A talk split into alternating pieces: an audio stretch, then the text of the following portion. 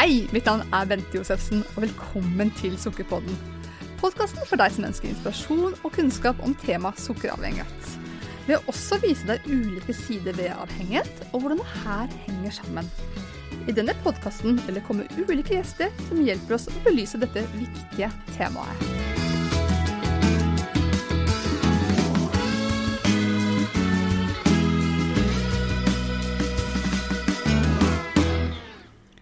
Med meg i dag så har jeg Tobbe Malm, som er kunstner og også har bakgrunn som smed. Og i tillegg, Tobbe, så er du sånn som meg, du da. Du har, har sukkeravhengighet og har gått vårt eh, program i Frisk uten sukker. Det stemmer. Men før vi på en måte går liksom inn på akkurat det her med avhengighet, så syns jeg at det, lytterne fortjener å høre en annen veldig spennende historie som også er relevant, som vi skal flette inn i det store bildet her. For at du er jo kjent for å lage dette jernrosemonumentet utenfor Oslo domkirke, som er et sånn minnesmerke etter 22. juli. Ja, det er jo eh, mitt eh, største pro prosjekt i livet. Og når jeg startet det, hadde jeg ingen aning om at det skulle ta åtte år. da. Oi. Eh, men eh, det är ett fantastiskt och helt världsunikt eh, projekt ska jag säga. Och eh, jag måste börja med att säga att jag är en sån känslomässigt styrd människa, har alltid varit det. Och eh, eh, jag reagerade väldigt, väldigt starkt naturligtvis på hela händelsen också, men framförallt på reaktionerna sen efter några dagar när människor gick ut på gator och torg och strödde hela Oslo med, med rosor. Det var, det var någonting som påverkade mig riktigt, riktigt mycket rätt in i djupet eh, av liksom det mäns människans väsen kan man väl nästan säga. Och eh, som känslomässigt styrd människa så, så är jag inte så bra på att tänka ut vilka konsekvenser saker och ting kan få, utan jag har mm. tillit till att eh, känslan är sann och den ska jag gå på. Ja. Så eh, ögonblicket av att se ett enat folk i kärlekens namn så att säga gav mig inspiration till att eh, skapa liksom den eviga rosen, att fånga den känslan i den eviga rosen och då blev det en ros av järn. Och jag kontaktade mitt eh, internationella nätverk av smeder då och eh, frågade om man hade lust att vara med på det här. Och vi fick en enorm respons. Så okej, okay, nu kör vi bara. Ja. Och då startade hela processen. Mm. Eh, och då fick du, skjønte jag, eh, in roser från, fra, stora delar av världen, från andra smeder. Eh, men så har du hatt en prosess her i Norge også, med hvor skal dette være? Og så har det vært en inkludering av både overlevende og pårørende etter 22.07. Fortell litt om den prosessen du eh, hadde der, Tomme. Ja, eh, det, det, här är ju bland annat det som gör det här projektet eh, helt unikt. Då. För att eh, man kan väl säga så här att inledningsvis då så var det ju som en sån förälskelse. Alla tyckte ju det här projektet var helt fantastiskt. Eh, media, alla människor som eh, hörde om det och som kom till Smedjan och ville höra historierna, se på rosorna och så vidare. Då.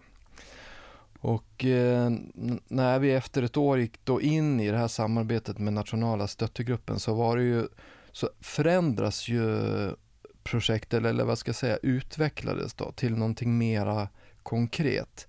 Det blev inte bara en solidaritetsprojekt där smeder och konstnärer från hela världen eh, smidde rosor och sände till Norge. Det blev också ett eh, sorgebearbetningsprojekt. Då.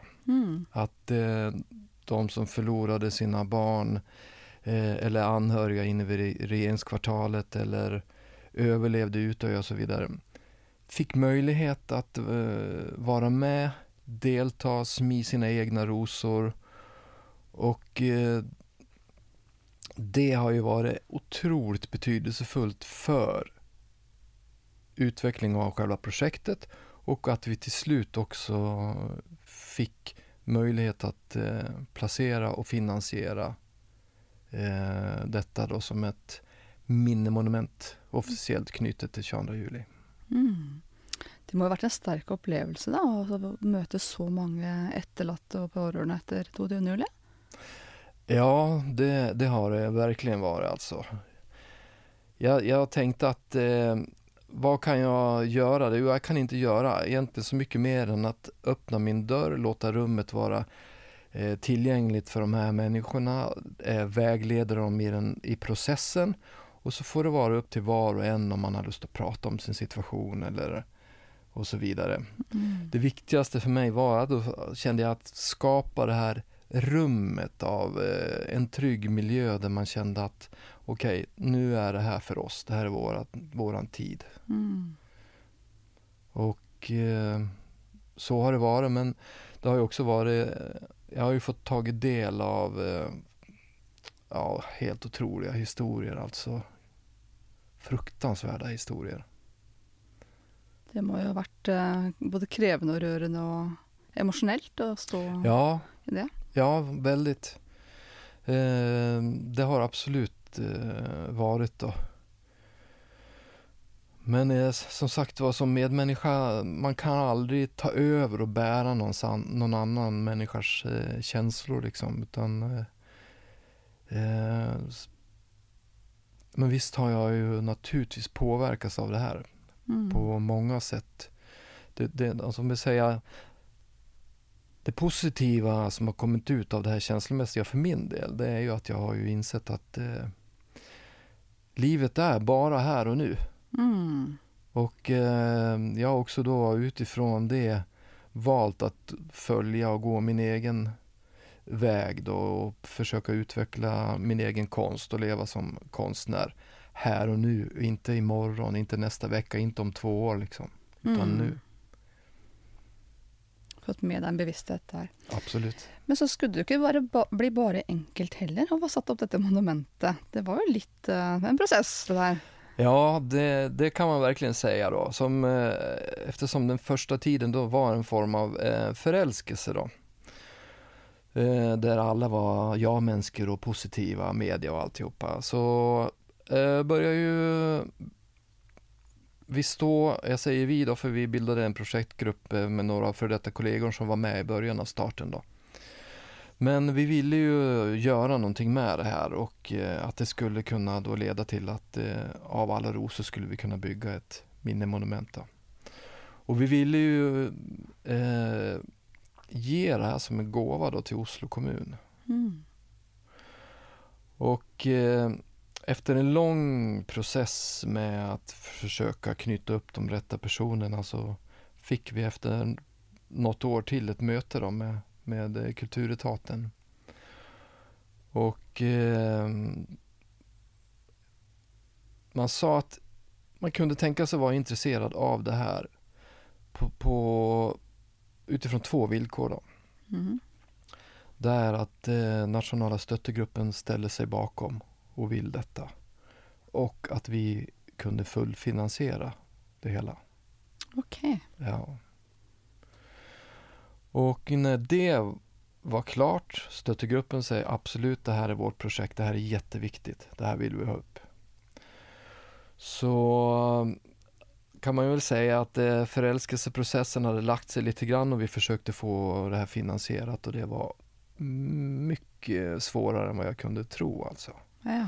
Det är många privatpersoner och små bedrifter och en del fagförbund som har stöttat det och flera kommuner också. Då. Eh, men de riktigt stora pengarna, Ja. det lyckades vi, det, det klarade vi inte. Och vi hade liksom lite till drift, till material och så vidare men, men de stora pengarna som skulle kunna göra att vi kunde sätta igång då ett, ett, ett, eh, byggprojekt här. Mm. Det var inte möjligt och vi slet också med att hitta placering. Ja. Så vi har haft en del sådana lösningar som har, som, eh, har varit väldigt nära då. Ja. Att eh, för många år sedan var det 2014 tror jag. Till hösten där så hade vi en plats eh, godkänd och det var i Stensparken. Mhm. Och vi hade också eh, skisser, en, en modell av en utformning som också var godkänd av eh, de olika instanserna. Då. Ja. Men eh, det rann ändå ut i sanden på grund av eh, eh, st- att platsen var inte arkeologiskt utforskad och man hade också en del kritik mot eh, storleken på utformningen och eh, att det eventuellt skulle kunna störa eh, bostadsområdena runt omkring. Okay. Mm. Så det liksom bara rann ut i sanden och vart lagt på is. Så där nästan under hela 2015 så bara gick jag in i, i någon slags eh, bobbla och, och, behövde vila då. Mm. Så under de här perioderna så var det väldigt eh, känslomässigt utfordrande mellan hopp och förtvivlan och väldigt mycket frustration liksom började börja gro i mig. Och jag gick ut och in och många olika känslor och eh, samtidigt så, så skulle jag ju liksom drifta min egen verksamhet då. Ja. Så det var svårt att få de här sakerna att gå ihop. Mm. Ja, det, det, kan jag förstå. Mm. Mm. Men så fick dere etter hvert eh, en avtale om å, få placera det här utanför Oslo domkyrka. Ja, eh, det var ju så här att under en period på ett och ett halvt år så hade vi en journalist eh, från eh, NRK P2 som följde oss och gjorde en radiodokumentär om det här. Och eh, hon följde mig och mitt arbete och sen två eh, föräldrar då som hade förlorat sina barn mm. men som var involverade i projektet. Och lagom till eh, femårsmarkeringen så var dokumentären klar och gick ut på radio och fick en väldigt god respons. Mm. Och det man gjorde då från eh, NRK det var ju att eh, söka upp ansvariga politiker för Oslo kommun ja. och fråga rätt ut. Vad vill ni med det här projektet? Mm. Det ligger eh, många, många hundra järnrosor på ett loft i, på Bärums verk. Vad vill ni? Mm.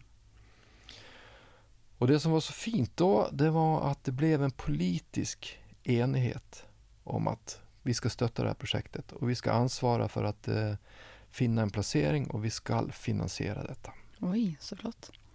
Så då eh, bildade vi en ny arbetsgrupp då med eh, eh, Nej, vi bildade inte, inte den gruppen då, utan det som skedde, det var alltså stöttegruppen har gjort ett fantastiskt arbete i det här. Genom sitt nätverk så har man ju knutit upp eh, viktiga personer. Då. Mm. Och bland annat eh, så fanns det ju redan en kanal in till domkyrkan och, eh, och ett förtroende. Då. Ja. Så biskopen eh, tog kontakt då med stöttegruppen och mig och, och ville inleda en diskussion om en möjlig placering. Ja. Och det här var ju 2016 då. Och eh, man kom fram till att okej, okay, vi är med. Mm. Vi vill ha det här monumentet hit. Det var här allting började, alla rosor. Klart det ska stå här. Fantastiskt. Så eh, det som skedde då, det var att vi, vi bildade en ny arbetsgrupp med representanter från Kulturetaten, stöttegruppen från kyrkan, en eh, arkitekt och ja då. Ja. Och så började vi börja från noll kan man säga. Med eh, alla förberedelser som måste göras och eh, jag jobbade under nästan två månader med eh, utformning, alla, alla liksom gamla skisser, eh, alla tankar jag haft. Jag gjorde massor av skisser som jag egentligen bara gjorde för min egen skull för att det blev en form av bearbetning då. Mm. Och tillsammans med arkitekten så eh, började vi att skala av allting för att eh, till slut ha rosorna i centrum och sen bara den vita ringen av betong och marmor som omfamnade det här och skulle också vara en slags eh, att bjuda in till att sitta ner och fortsätta, fortsätta de viktiga samtalen om vad som hände och så vidare och hur vill vi att det ska se ut i framtiden och vad är viktigt och så vidare. Mm. Så mm, de sista åren var en helt fantastisk eh, process med eh, bara positivitet och människor som verkligen ville det, ville det bästa nu då. Mm.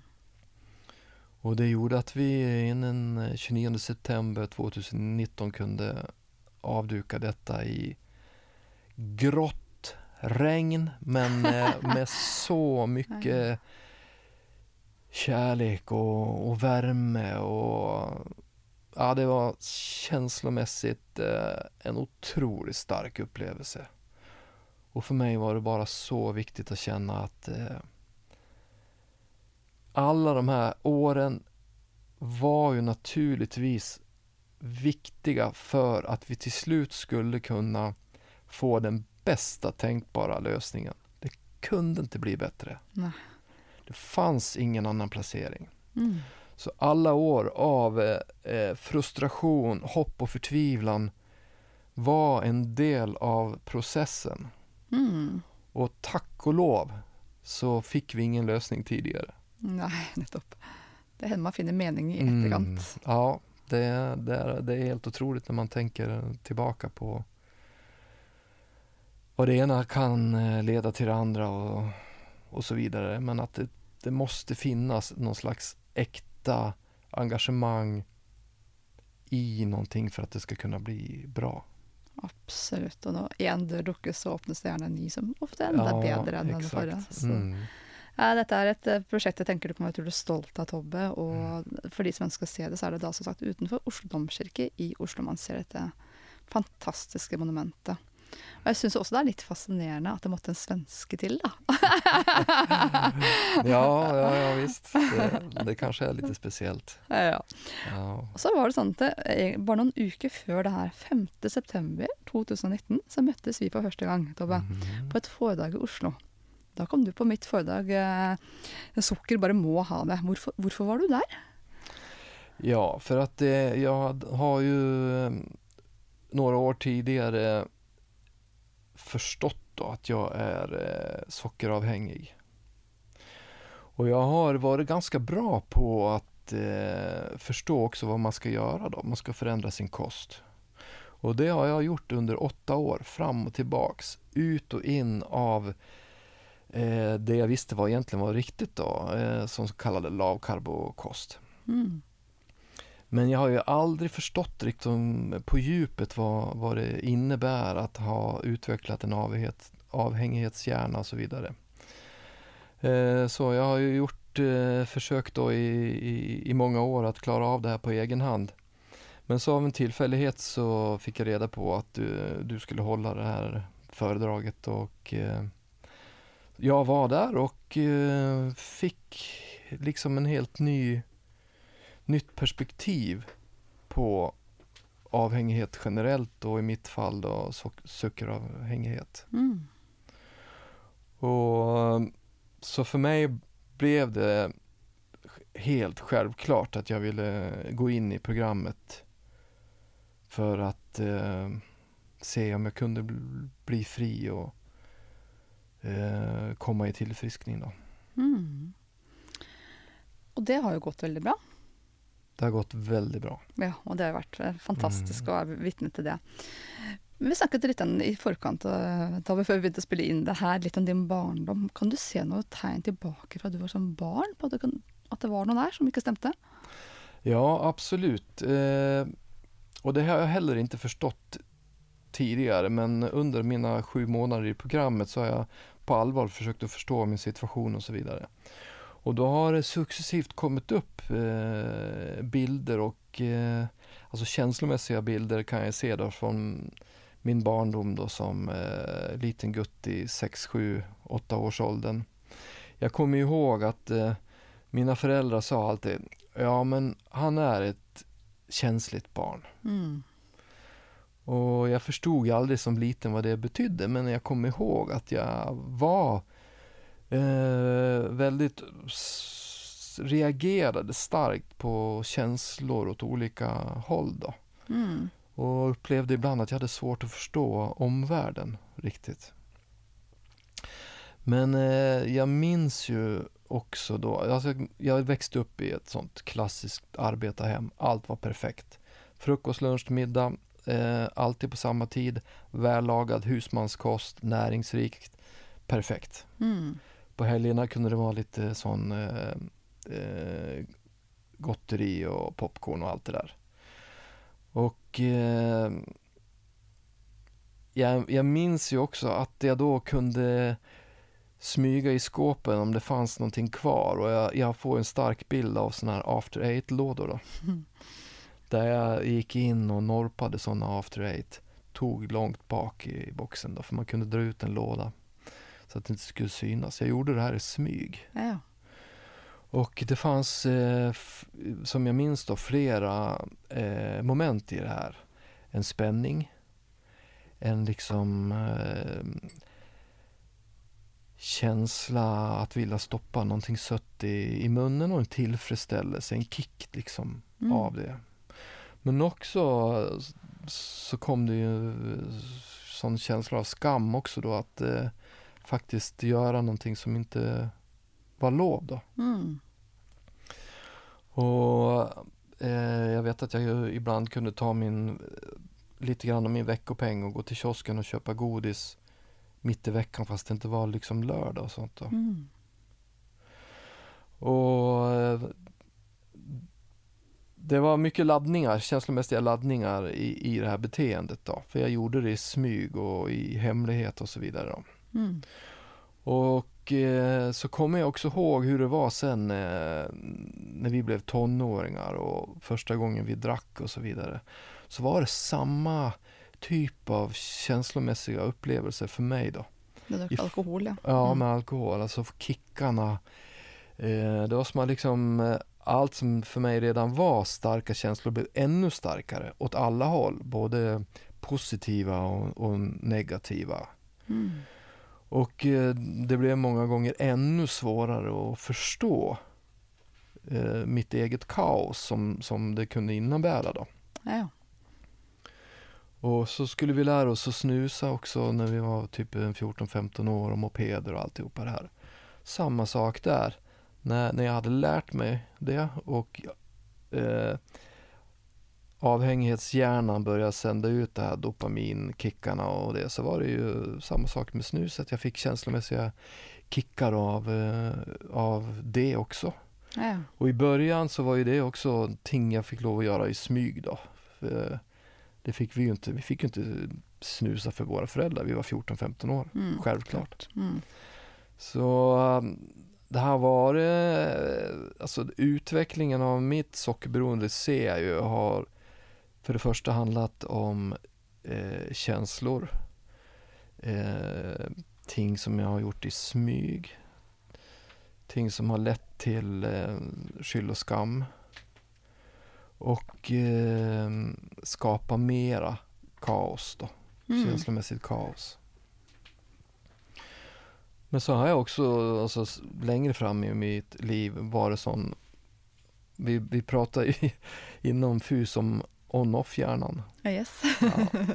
Så har jag bara kunnat fått liksom så här, nej, nu är det färdigt med det här. Nu bara stoppar jag liksom. Ja. Och så har jag under perioder bara, nej jag ska, jag ska inte snusa, jag ska inte dricka, jag ska, nej. Och så mm, har jag liksom fått också stora kickar, känslomässiga kickar av, av det då. ja. Så, eh, men jag har aldrig förstått sammanhanget av eh, att utveckla en beroende hjärna, eh, sammanhanget av alltså, det känslomässiga spektrat som kan finnas i oss eh, människor och som då i sin tur kan leda till den här on-off-hjärnan. Då. Mm. Men eh, genom programmet och de verktygen jag har fått så har jag ju kunnat liksom sortera och förstå då. Och det är helt avgörande för att jag nu kan leva i så kallad tillfriskning. Då. Mm. Og det skal vi komme mer tilbake til hva det, hva det innebærer. Men hva slags Mm. konsekvenser fikk liksom, sukkeravhengigheten for deg, Tobbe? Ja, eh, man kan väl säga att den blev mest... Ja, jag måste backa lite till. Eh, 2002 så var jag igenom en väldigt tuff eh, skilsmässa. Mm. Eh, väldigt mycket eh, känslor eh, runt det i form av eh, ja, som säkert alla känner till som har varit igenom det. Eh, ilska, frustration, rädsla, allt. Mm. Och eh, de första åren efter den här skilsmäss skilsmässan så, så hittade jag några likasinnade då, män då. Ja. Och eh, vi gjorde en del bra saker och vi gjorde en del dåliga saker. Mm. Vi var gärna ute och festade tillsammans. Ja. Ja, som tonå, tonåringar igen liksom. Väldigt massa party. Och nya relationer och hit dåliga grejer som, som inte höll och, och sådär. Och så är det när man inte är känslomässigt klar med saker och ting. Mm. Så söker man ju kanske liksom plåster på såren lite här och där. Men så, så kom tsunamin då. Och jag hade ingenting med, med den att göra. Jag hade liksom inga referenser, inga människor jag kände som var drabbade. Men jag blev otroligt tagen av den. Jag följde med på varenda eh, nyhetssändning och på den tiden var det text-tv och sånt. Och jag Mm. följde med på allt. Jag tror vi satt på var vår stua och gjorde samma sak. Ja. Ja. Och ehm, jag, jag, ju längre tiden gick så, så förändrades ju också nyhetsrapporteringen. Mm. Eh, Man prövade att, att, att, hänga kvar i historien. Och nyhetsrapporteringen blev bara sämre och sämre. Mm. Man prövade att hitta någon som kände någon som kände någon som var drabbad. Mm. Och skolorna började att ha krisgrupper fast det inte fanns elever som, som var berörda och så vidare.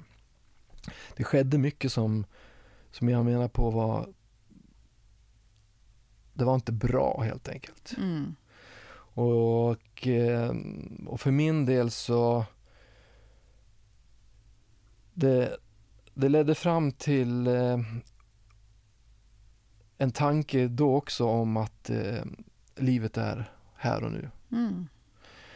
Och då gjorde jag min, min första förändring i, i livet. Då, då, då bröt jag med allt eh, att det här var ute och festa med kompisar.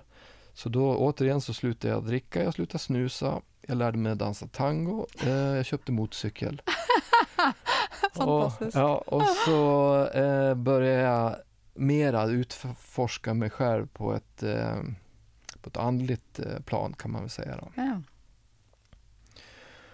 Eh, jag gjorde ganska mycket. Jag var ute i skogen och gick på, sent på kvällarna i mörkret och bara för att lära mig någon slags... Eh, jag hade en idé om att eh, få tillit i, liksom lita på magkänslan. Ja.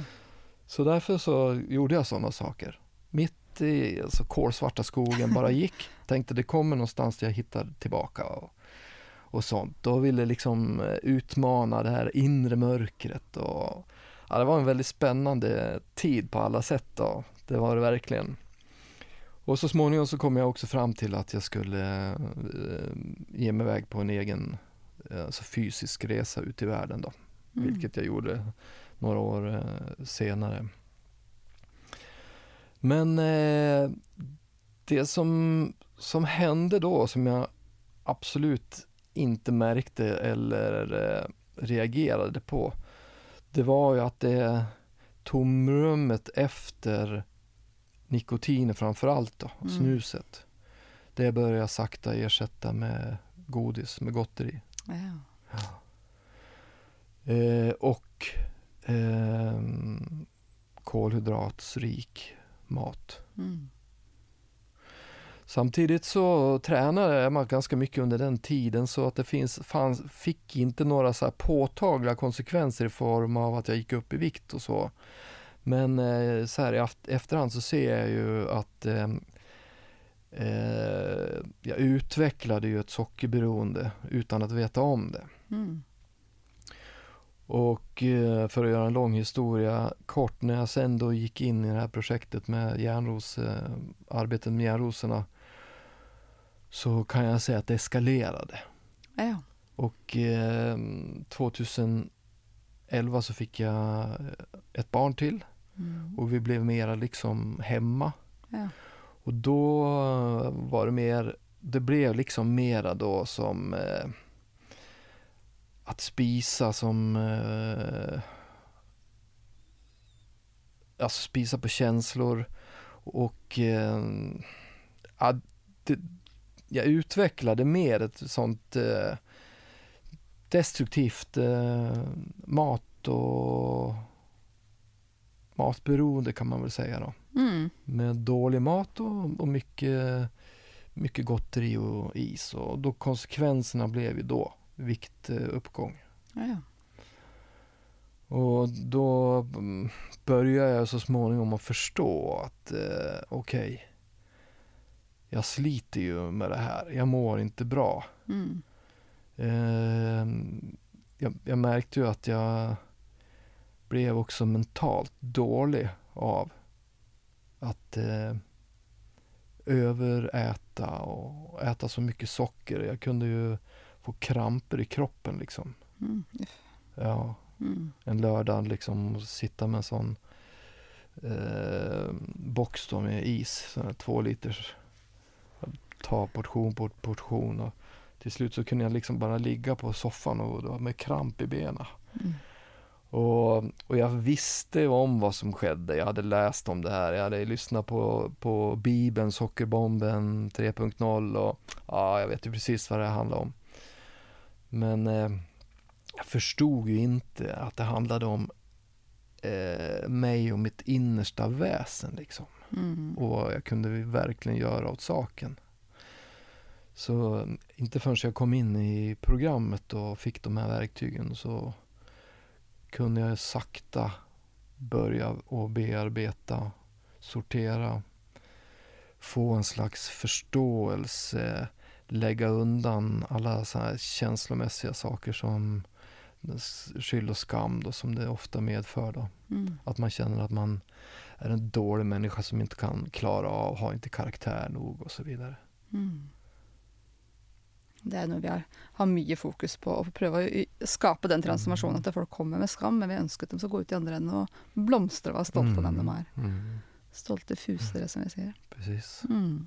Og, klart, og det du også beskrev, at du kan fortsette til tross for eh, konsekvenser, det er, så er jo et kjennetegn på avhengighet, nettopp at man gjør det. Mm. Det får konsekvenser, men man fortsetter jo allikevel. Men hvordan prøvde du på en måte å bøte på det her opp gjennom årene før du kom eh, bort til oss i Frisk uten sukker?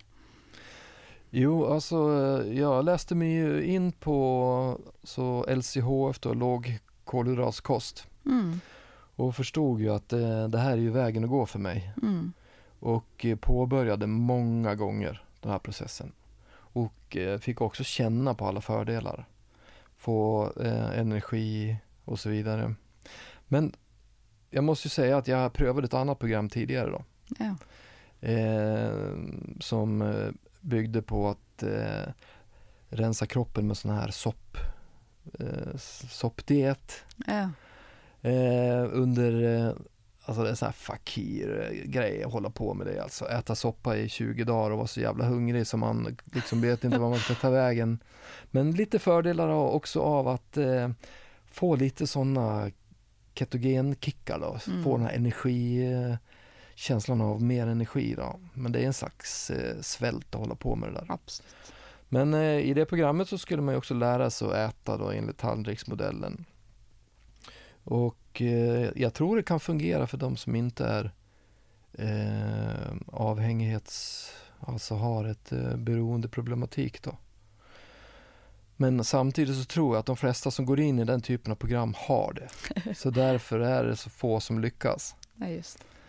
Ehm, men det som hände för mig då, det var ju då en månad av eh, eufori, att det här går bra, kilorna rasade, jag började träna och wow, fan vad bra det här går.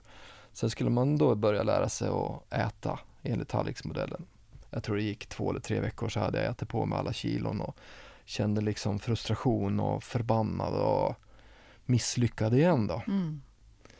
Så, men i ungefär den vevan så träffade jag en, en god vän som hon hade fått eh, diabetes 2 och hennes läkare sa du, ska, du, du måste börja spisa det här om du vill eh, fortsätta vara frisk då så att säga.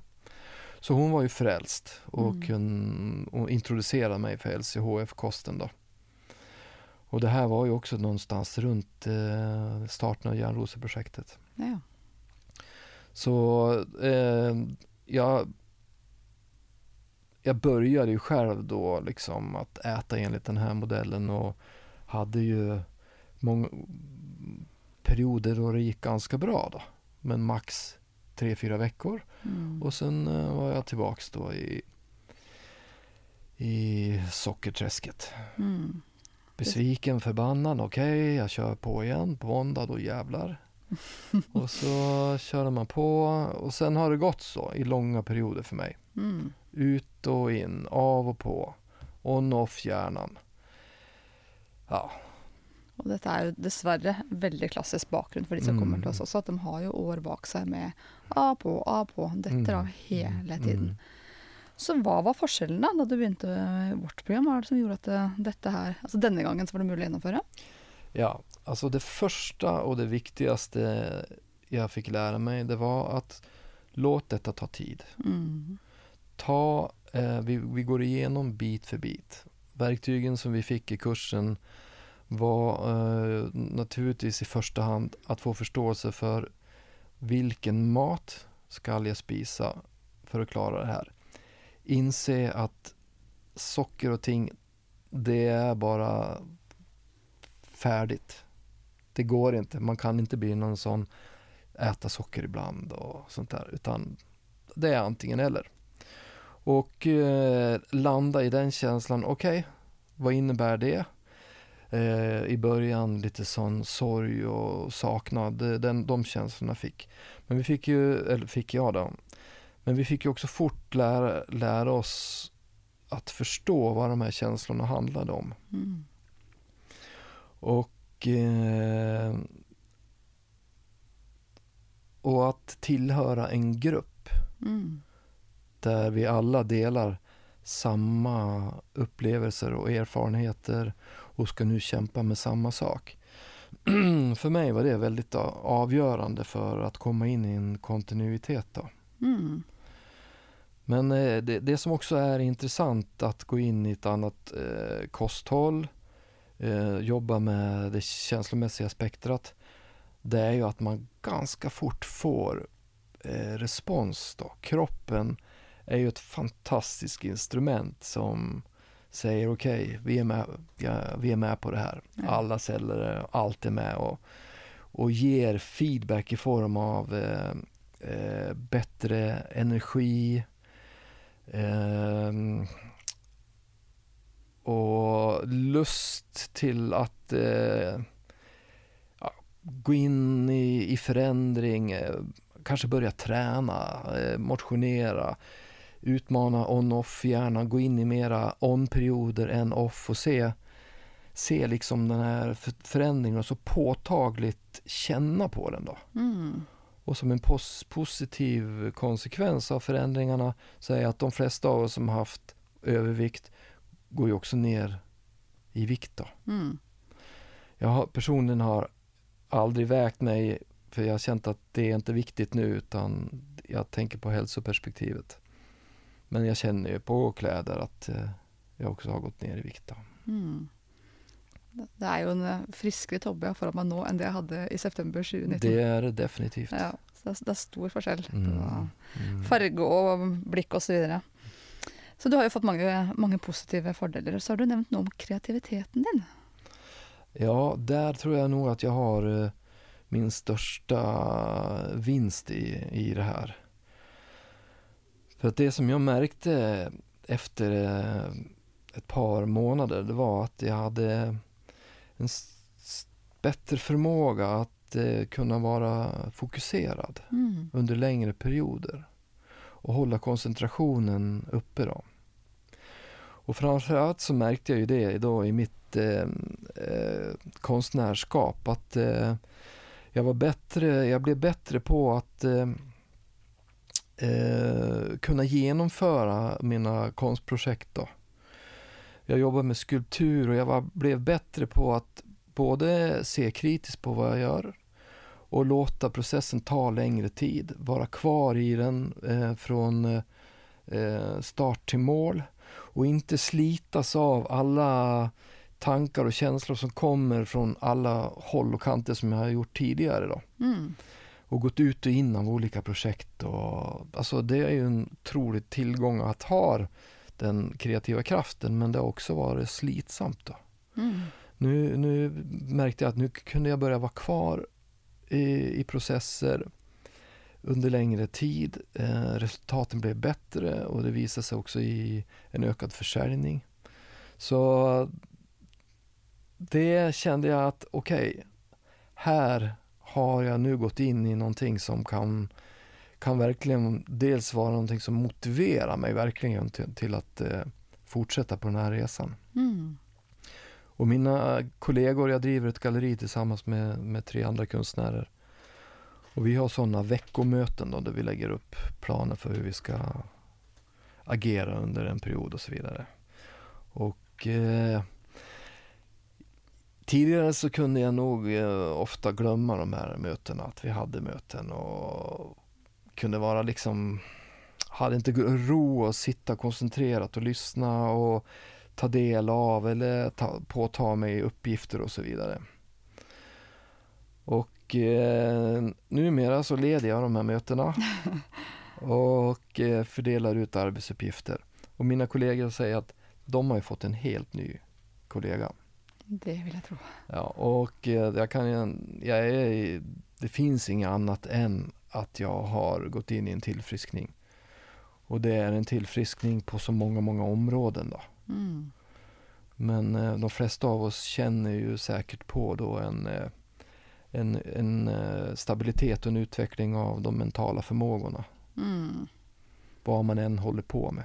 Nettopp det den mentale kapasiteten blir jo drastisk endret. Mm. Og det er kanskje det det er vanskelig for andre utenfor for å forstå, da. Altså hvilke Ja. konsekvenser det her får. For de ser som OK, noen går på vekt, ja vel, liksom. Selv om de fleste tror at det gjelder alle, det, er, det gjør du ikke. Uh, og at det er sånn OK, det, vi spiser litt mye sukker, da, men, men forstå Mm, det mm. store bildet, altså hvor, i Mm. hvilken grad dette påvirker hele livet vårt, det er nok litt vanskelig for andre å forstå.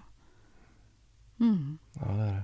Virkelig. Så den, de gevinstene vi opplever, da, de kan jo være utrolig store. Både fysisk og psykisk og sosialt Mm. i det hele tatt. Hva, er det, hva, hva tenker du er det viktigste du har tatt med deg etter å komme til tilfriskning?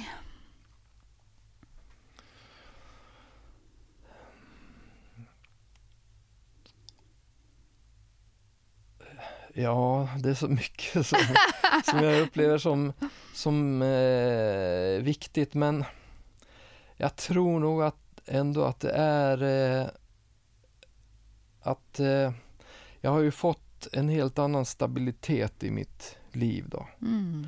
En helt annan ro, en helt annan förmåga att eh, vara koncentrerad, eh, vara i processer och eh, en tillit till att processen bär. Men det jag menar, jag måste, jag måste hela tiden jobba på, på saken. Jag kan liksom inte sätta mig i soffan och luta mig tillbaka, nu går det av sig självt, utan Det var det, liksom. nej, nej, utan, eh, och det är det tycker jag också som är så intressant, för ma- man kan ju känna i början av en sån här process att ja, måste jag, vad är det jag, måste jag lämna? Måste jag liksom utesluta allt det här? Kan jag inte vara med och kosa mig med det ena och det andra? Men vinsten är så pass mycket större, så den historien och värdena som, som man såg då då på att sitta och äta massa dålig mat och så vidare, det betyder ingenting. Nej. Alltså vinsten och glädjen är, är så pass mycket större och jag ser ju att den här att kontinuiteten i ett välmående och som jag är i nu då, mera att vara i längre perioder av on än off. Mm. Eh, Det slitsamma med on och off i, i olika sammanhang, det är slitsamt. Men Mm. nu, nu är det mera on.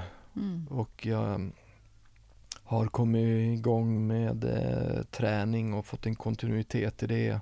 Och det ger ju också en, eh, ett lyft till hela positiva utvecklingen av att vara i tillfriskning. Då.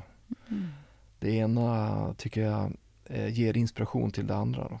Mm. Den mentala utvecklingen ger mig en lust att också jobba med min fysiska hälsa och tvärtom.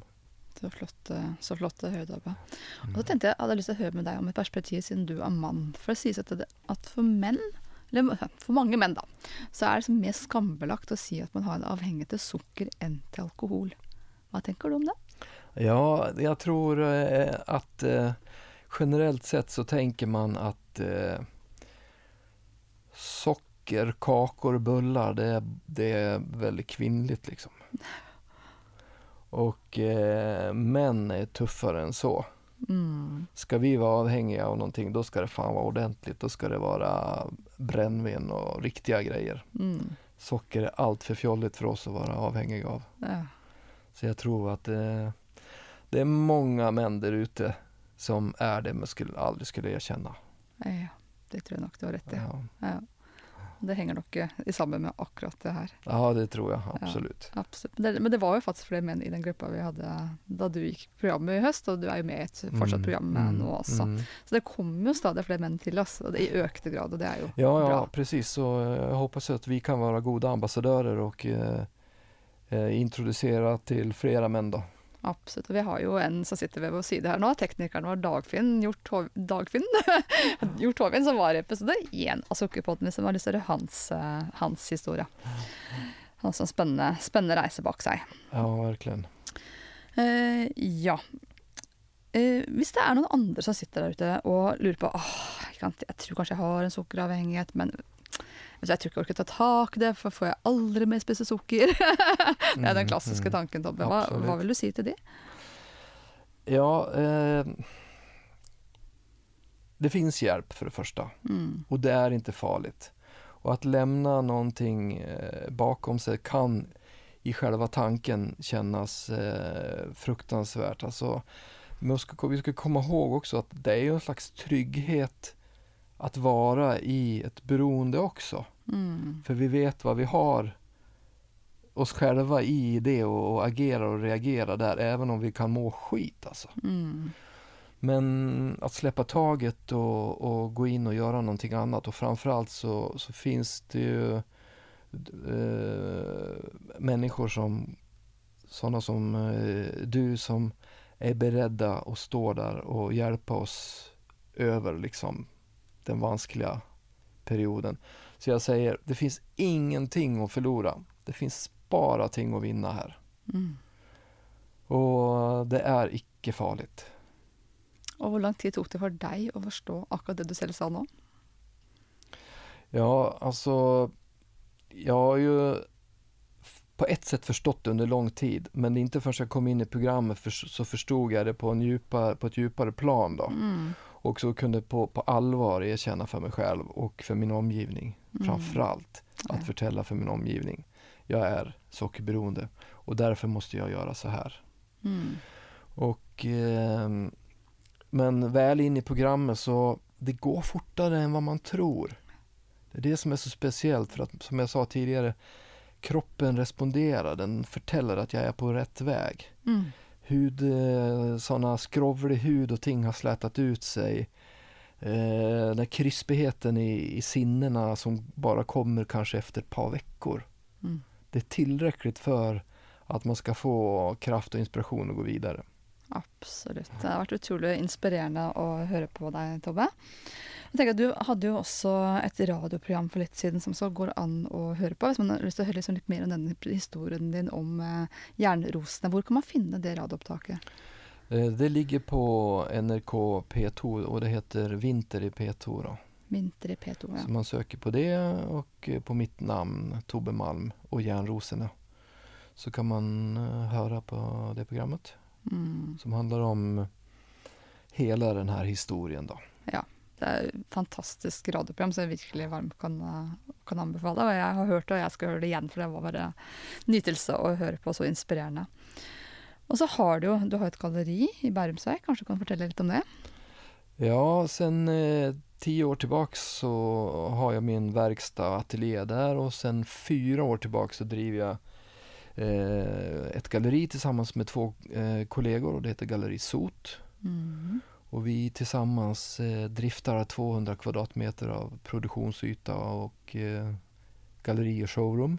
Ja. Så jag kan verkligen eh, rekommendera, eller säga välkomna till ett besök så ska vi med glädje ta emot er och visa runt och så får ni se vad vi jobbar med. Og jeg kan ikke anbefale så Bæremark er jo et veldig sjarmerende sted, og det er mye spennende å se der. Og da er det obligatorisk å gå gjennom eh, deres galleri. Og i tillegg så er jo du å finne på www.tobbemalm.com hvis noen har lyst til å gå inn og se litt på kunsten din. Det kan jeg jo også absolutt anbefale.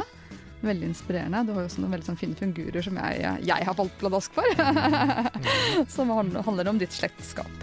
Nei, dette så vil jeg takke så mye Tobbe, for at du kom hit til Sukkerpodden og alt det du har delt eh, med oss. Tusen tack för att jag fick eh, komma. Bara du.